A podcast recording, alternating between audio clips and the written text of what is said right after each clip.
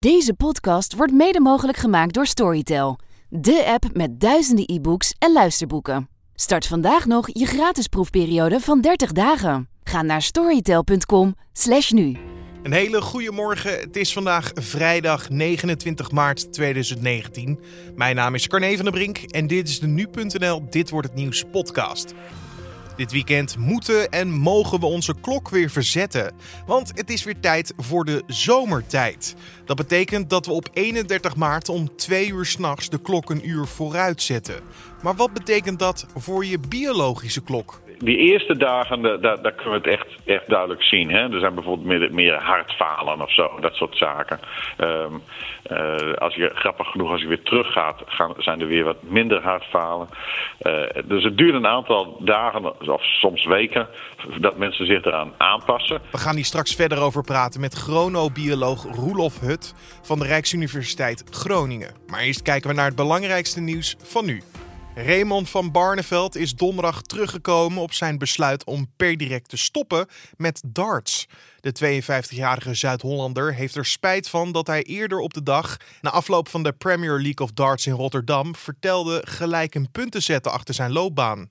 Van Barneveld deed zijn uitlatingen vlak na de pijnlijke 1-7 nederlaag tegen Michael van Gerwen.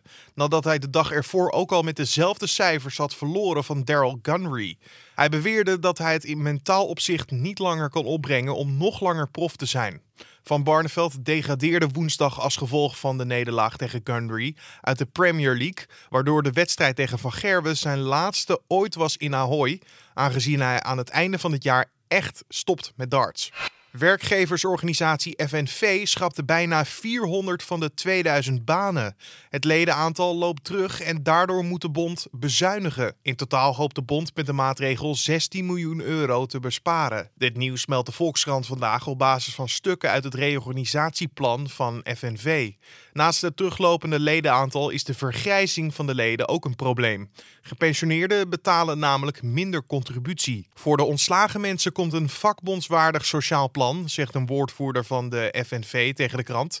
Vooral mensen met ondersteunende functies op kantoren verliezen hun baan. Duitsland heeft het verbod op wapenverkoop aan Saoedi-Arabië met zes maanden verlengd tot en met 30 september. Dat meldde een regeringswoordvoerder donderdag na een gesprek van bondskanselier Angela Merkel met haar ministers in Berlijn. Het gaat dan om Europese wapenexporteurs die banden hebben met zowel Duitse bedrijven als Saoedi-Arabië. Er zullen geen nieuwe exportaanvragen naar het land worden goedgekeurd. Het verbod werd opgelegd na de moord op de Saoedische journalist Jamal Khashoggi. Hij werd in oktober 2018 in de Turkse stad Istanbul van het leven beroofd door een moordcommando nadat hij het Saoedische consulaat was ingegaan. En Facebook gaat rond de Europese verkiezingen in mei scherp letten op politieke reclames op zijn sociale netwerken, Facebook en Instagram.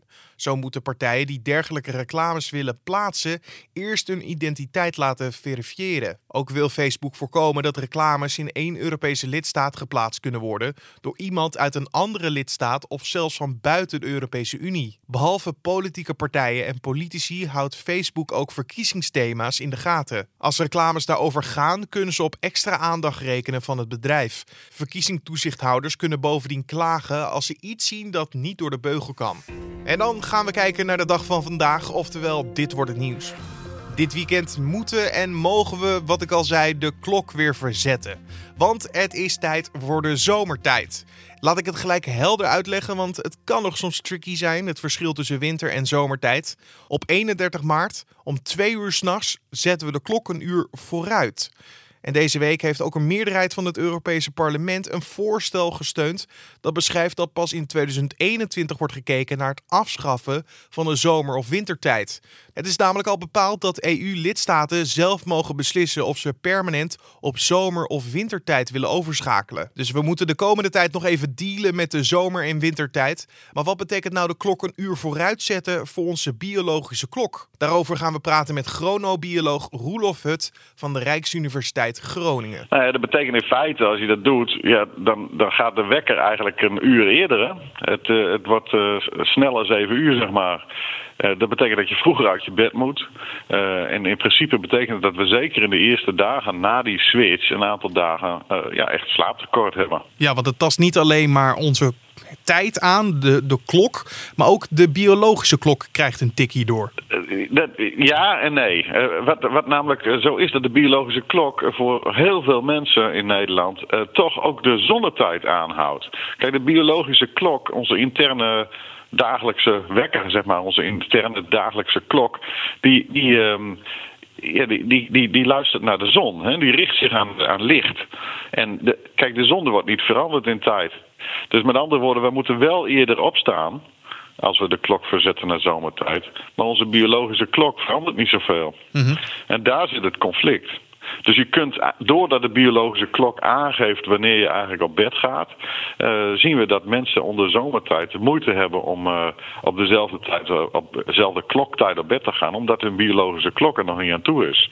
Maar ja, de wekker gaat s ochtends wel. En dat levert toch in zekere mate slaaptekort op bij de hele populatie, bij de hele Nederlandse bevolking. Ja, want er zit natuurlijk wel verandering tussen hoe je erop reageert. Dat is bij de een wat heftiger dan de ander, toch?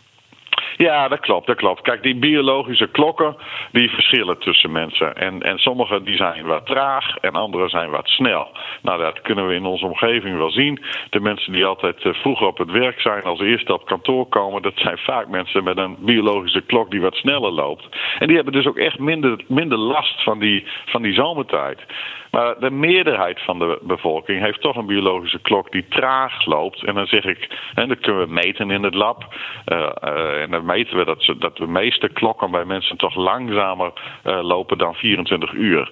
Dus de meeste mensen hebben daar moeite mee met zo'n zomertijd. Heeft het nog ehm, los van dat je eventjes moet wennen, een soort jetlag fase inkomt, omdat je moet wennen dat je dus een uur minder slaap hebt gehad, heeft het nog andere gevolgen, misschien voor mensen hun gezondheid?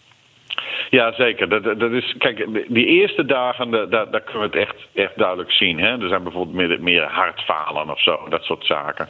Um, uh, als je, grappig genoeg, als je weer teruggaat, gaan, zijn er weer wat minder hartfalen.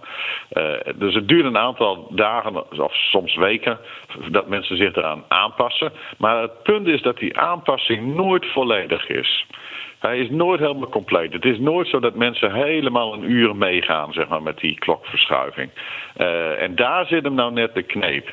En als je nou, nou over de hele bevolking kijkt, dus grote aantallen mensen bekijkt, dan zie je dat bijvoorbeeld zaken als uh, overgewicht zullen toenemen. Uh, uh, dingen als suikerziekte. Dus je interne. Kijk, je, al je interne processen in het lichaam worden aangestuurd door die biologische klok. En dat moet in, qua tijd op elkaar afgesteld zijn. En op het moment dat jij een uur te vroeg opstaat, dan eet je ook een uur te vroeg. En, en, en ja, daardoor raakt toch je fysiologie in de war. Je krijgt wat overgewicht, et cetera. Maar wat er vooral gebeurt is dat dingen als depressie gaan toeslaan. Um, in, in, Rusland is het uh, een paar jaar geprobeerd, van 2011 tot 2014. Hebben ze permanent het jaar rond zomertijd zeg maar, ingesteld. Mhm. En het is dan beter om dat uh, daylight savings time te noemen. Eigenlijk ga je gewoon zeggen van ik, ik ga bij een, bij een andere tijdzone horen. Een tijdzone die eigenlijk één uur naar het oosten ligt. En als je dat dan doet, dan zie je dat bijvoorbeeld met name depressie bij jongeren is En dat is echt wel zorgelijk.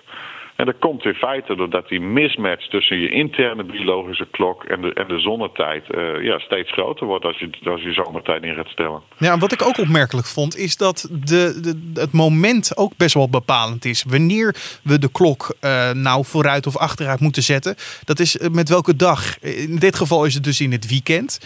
Dat heeft ook nog wel gevolgen, toch? Dat je misschien net even anders erop, ja, dat je je er anders op voorbereidt. Nou ja, men kiest daar het weekend voor omdat, omdat men wel doorheeft dat als je dat in een, op een werkdag doet, dan wordt het alleen maar moeilijker. En, en, en je doet het dan voor de zondagochtend, omdat mensen dan gewoon lekker dat uur. Uh, ze hoeven zich er even niks van aan te trekken. De meeste mensen althans, die hebben op zondag geen werk en die kunnen dan even dat uur uitslapen. En die zien dan dat ze normaal misschien om, op zondagochtend om 9 uur naast bed staan. Ja, als je die klok hebt, gezet voor, uh, hebt verzet voordat je gaat slapen, dan zie je dat het dan opeens tien uur is. En dat is dan voor een zondagochtend niet erg. Maar ja, de biologische klok, je interne, je lichaam, uh, heeft wel meer dan één dag tijd nodig om zich eraan aan te passen. Dus dan krijg je alsnog een tik op maandag. Het zou wat dat betreft beter zijn om het misschien op uh, op de nacht van dus vrijdag op zaterdag te veranderen. En natuurlijk is het voor de mensen die uitgaan, uh, ja, eerder gaan de TL-balkaan, denk ik zo, de licht aan. Ja, ja, nou ja, ik zit hier in Groningen, daar hebben we in Groningen geen last van. De kroegen zijn hier um, uh, de hele nacht open. en het is hier één feestgedruis op zaterdagnacht altijd. Precies. Politiek houdt zich er ook bezig mee. deze week in het nieuws, een meerderheid van het Europese parlement heeft het voorstel gesteund dat beschrijft dat pas in 2021 wordt gekeken naar het afsluiten afschaffen van de zomer- of wintertijd. Um, Want hoe zit het precies? Hoe zit het in Europa? Hoe wordt er nu gekeken naar het afschaffen van uh, de winter- of zomertijd? Het is zo dat in 2021 zou de laatste keer zijn dat zomertijd wordt ingesteld. Daar hebben we die afspraak, daar is over gestemd. En dat is een meerderheid heeft daarvoor gestemd afgelopen dinsdag. Dus 2021 hebben we de laatste keer de verandering van kloktijden meegemaakt. Uh, of we dan naar een situatie gaan uh, dat we naar permanent zomertijd gaan, het jaar rond, of dat we naar permanent wintertijd gaan, dat is de vraag. Dat, daar is nog geen beslissing over genomen. De discussie is wat mij betreft nog niet afgelopen. Want het is niet alleen zomertijd af, afschaffen wat gezonder zou zijn. Nee, daarnaast is het ook nog zo dat Nederland en België en Luxemburg en Frankrijk en Spanje met elkaar in de verkeerde tijdzone zitten. Wij zitten in de tijdzone van Centraal-Europa. En eigenlijk, als je naar die tijdzonegrens kijkt, dan zou die zo tussen Nederland en Duitsland en Frankrijk en Zwitserland door moeten lopen. dus dan zou je een andere tijdzone hebben tussen Duitsland, Zwitserland, Italië en, en, en landen ten oosten daarvan en, en landen ten, uh, ten westen daarvan. Wij zouden bij de Engelse tijdzone moeten horen, net als Portugal dat nu ook wel heeft. Maar en, er wordt natuurlijk nu gekeken naar het feit dat lidstaten uiteindelijk zelf mogen beslissen wat zij doen. Uh, ja. Of ze voor de wintertijd of voor de zomertijd kiezen. Dat, dat gaat toch voor heel veel ja, ongemak zorgen. Dat je bijvoorbeeld eh, Duitsland de wintertijd aanhoudt. Wij, wij bijvoorbeeld de zomertijd, ook al zouden we het misschien niet willen. Al die landen de verschillende tijdzones. Dat zorgt nog voor heel ongemak. Ja, dus dat is ook de opdracht die, de, die, die we van uh, Juncker en de Europese Commissie hebben meegekregen, zeg maar, als individuele, of de, de, de ministers van de individuele landen. Zeg van zorg dat het nou geen lappendeken wordt. Nou ja, dat, dat, is, um, dat is denk ik van belang. Hè. Dat zien mensen ook wel. Dat, dat, dat, dat wordt wel lastig. Ik moet eerlijk zeggen, uh, ik denk dat het ongemak heel erg meevalt. Hè. Want, want ja, waar, waar merk je dat aan? Als je belt, moet je misschien even rekening houden dat je een uurtje later iemand in Belt of zo een uurtje eerder. Maar ik denk dat het meevalt. Maar ik denk als jij één uh, tijdsgrens aan, aanlegt in, uh, in Europa, dan is het uh, gezond voor de mensen, voor de bevolking. Dat zou moeten prevaleren. En ik denk dat het stukje ongemak wat je erbij krijgt echt uh, meevalt. Het wordt daarmee dus geen lappendeken. Hè? Kijk, wij denken heel erg vaak in, in wel of niet, of allemaal hetzelfde of, of niet. Of, hè? En, en, en zo is het niet. Er is gewoon een heel mooi compromis wat heel redelijk is, wat gezond is. En dat is één grens verticaal door Europa trekken. Tussen, uh, nou, ruwweg tussen Frankrijk en Duitsland, zeg maar. Ja. En dan, dan hebben we echt de beste oplossing. En, en, en daar wordt men gezonder van. Dat, dat, dat, gaat, dat, dat, dat is niet niks. Hè? Ik bedoel, je hebt het over een kankerrisico wat toeneemt. Als je bijvoorbeeld. Uh, wij zitten dus heel erg westelijk in de mm -hmm. tijdzone. Hè? Zo moet je dat zien. Ja. Dat betekent dat wij uh, onze biologische klok later zeg maar, ons wakker maakt dan in het oosten. Nou ja, daar is veel onderzoek naar gedaan. En wij zien op allerlei delen van de wereld, maar ook in Europa, bijvoorbeeld uh, in het westen van de tijdzone neemt kankerrisico toe. En dat is misschien een kleine toename van risico, maar het geldt wel voor iedereen in de bevolking. En dat maakt het toch een heel groot probleem. En natuurlijk ook de term zomertijd of wintertijd helpen natuurlijk ja. ook totaal niet mee. Als je iemand vraagt bijvoorbeeld, wil je liever zomertijd of wintertijd? Dan denkt iedereen natuurlijk, nou zomertijd, want het klinkt natuurlijk ideaal. Uh, lekker lang licht en zo. Ja, dat, dat soort reacties krijg je nou gelijk. Maar die, die term werkt echt niet mee. Nee, nee, die term helpt zeker niet mee en het hangt ook af wanneer je het vraagt. Uh, Uh, als het in de midden van de winter vraag je mensen of je zomertijd wilt. Ja, dan ja, zijn ze flauw van de winter. dan willen ze wel de zomer weer in. En dus daar hebben we ook op gewezen. Uh, daar hebben niet alle onderzoeksbureaus die een enquête hebben rondgestuurd zich helemaal goed aan gehouden. En toch, ondanks dat, was er een meerderheid voor om zomertijd uh, af te schaffen en permanent wintertijd te handhaven in Nederland. Mm. Dus, dus ja, ik denk dat dat toch komt omdat wij ja, ook in de landen hier lezingen over hebben gehouden, ja. et cetera. Mensen die hier echt in geïnteresseerd zijn en zich een beetje in, in de literatuur verdiepen, die zullen dat uh, begrijpen.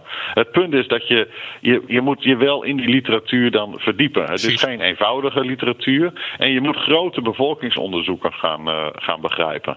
En dat zijn toch, dat, daarmee maakt het, wordt het toch een specialistisch verhaal. Ik, ik bedoel, ik, ik, als ik lezingen erover hou, dan kan, kan ik het makkelijk mensen overtuigen met de getallen die we hebben. Er is veel onderzoek naar gedaan. Maar als je mensen gewoon op straat naar hun mening vraagt, ja, dan, dan krijg je een heel ander beeld.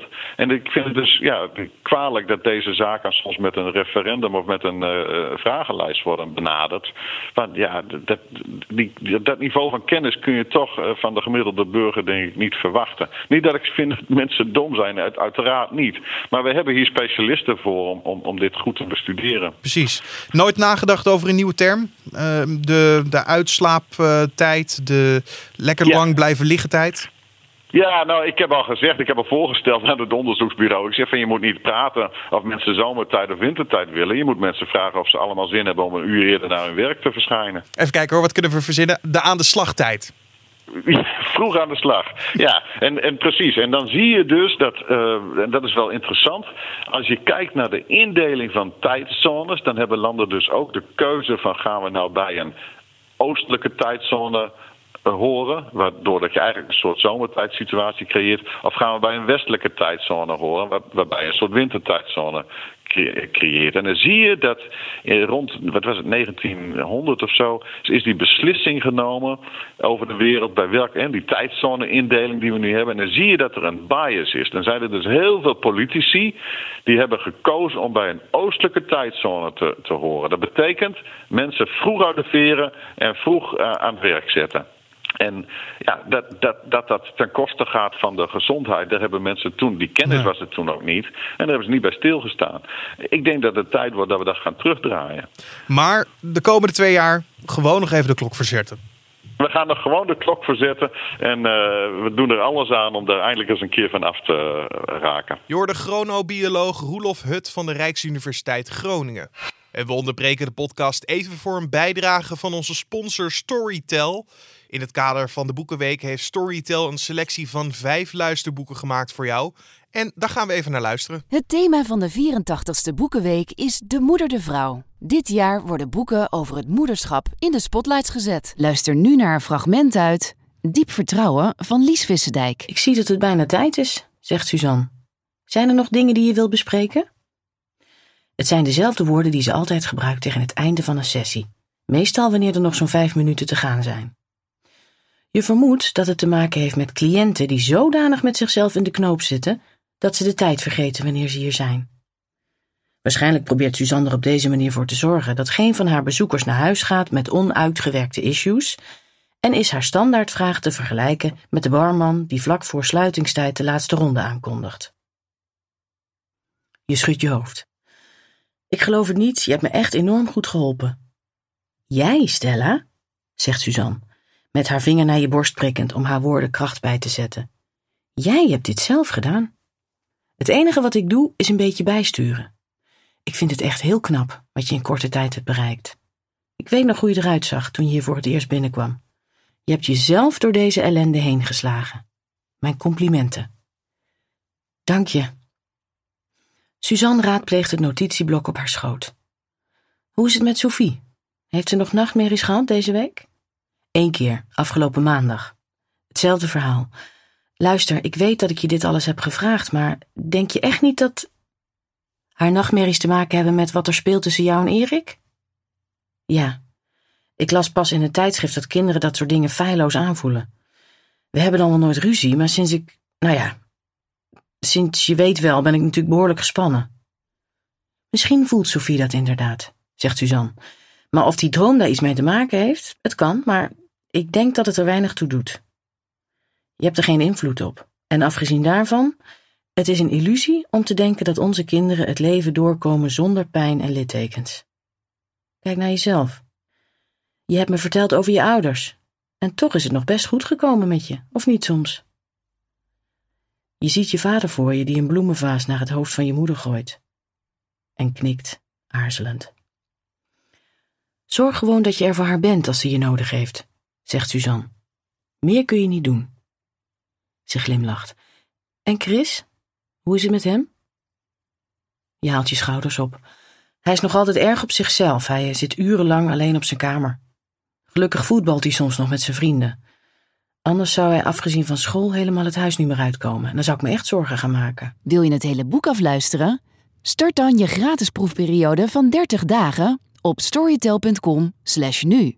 En we kijken nog heel even wat er verder vandaag op de agenda staat. De Duitse alternatieve genezer Klaus Ros zou in 2016 een aanzienlijke overdosis infuusoplossing hebben gegeven aan ernstig zieken. Drie van zijn patiënten, onder wie twee Nederlanders, zouden daaraan zijn overleden. En het Duitse Openbaar Ministerie verwijt Ros driemaal dood door schuld. Vandaag mag hij zich in de rechtbank verdedigen tegen de aanklacht. En de stroom van Brexit-berichten houdt niet op, want vandaag stemt het Lagerhuis over een terugtredingsakkoord. Als de meeste parlementariërs voorstemmen, dan wordt de Brexit uitgesteld tot 22 mei in plaats van 12 april. En natuurlijk volgen we deze stemming ook. Dus wil je het laatste nieuws over de Brexit weten? Kijk dan op nu.nl of via de nu.nl app. En dan nog even het weer. De dag begint weer mistig, maar de mist trekt snel weg. Op de meeste plaatsen schijnt het zonnetje, soms in aanwezigheid van stapelwolken. En het kwik kan oplopen tot 16 graden. En om af te sluiten nog even wat vlindernieuws. Want de vlinderpopulatie in Nederland is in de afgelopen 130 jaar met minstens 80% afgenomen. Zo meldt het Centraal Bureau voor de Statistiek. 15 soorten zijn volledig uit Nederland verdwenen. De telling van de Vlinderstichting en het CBS leveren een geschatte daling in vlinderpopulaties van 84% op. Dat is gemeten tussen 1890 en 2017. In totaal zijn van 42 soorten de verspreiding afgenomen, waarvan er 15, zoals ik al zei, volledig uit Nederland zijn verdwenen. Vlindersoorten nemen af omdat we ons land intensief gebruiken. Dat zegt ecoloog Kars Velling van de Vlinderstichting. Verstedelijking en de vergroening van agrarisch gebied hebben al lange tijd een negatieve invloed op de vlinderpopulatie. Vlinders hebben nu eenmaal bloemen nodig, zo vertelt de ecoloog. En dit was dan de Dit wordt het nieuws podcast voor deze 29 maart. Je vindt de podcast natuurlijk elke maandag tot en met vrijdag om 6 uur ochtends op de voorpagina van nu.nl. En niet alleen in de ochtend om 6 uur ochtends, maar ook vandaag krijg je weer de kerst op de taart, de week van nu. In dit geval niet gepresenteerd door Gert-Jaap Hoekman, onze hoofdredacteur, maar vandaag zal die gepresenteerd worden door Lindsay Mossink. Weer met drie redacteuren van nu.nl, verschillende onderwerpen. Zover ik weet gaat het over de Boeing 737 MAX. Eh, de Brexit, dus genoeg om te bespreken. Die zal aan het eind van de middag online staan op de voorpagina van nu.nl. En natuurlijk in deze podcast feed. Dus abonneer je gelijk en mis geen aflevering. Heb je nog feedback voor ons? Dat kan ook. Je kan een mailtje sturen naar podcast.nu.nl of recensie in iTunes. Voor nu wens ik je een hele mooie dag. Mijn naam is Carne van der Brink en tot maandag.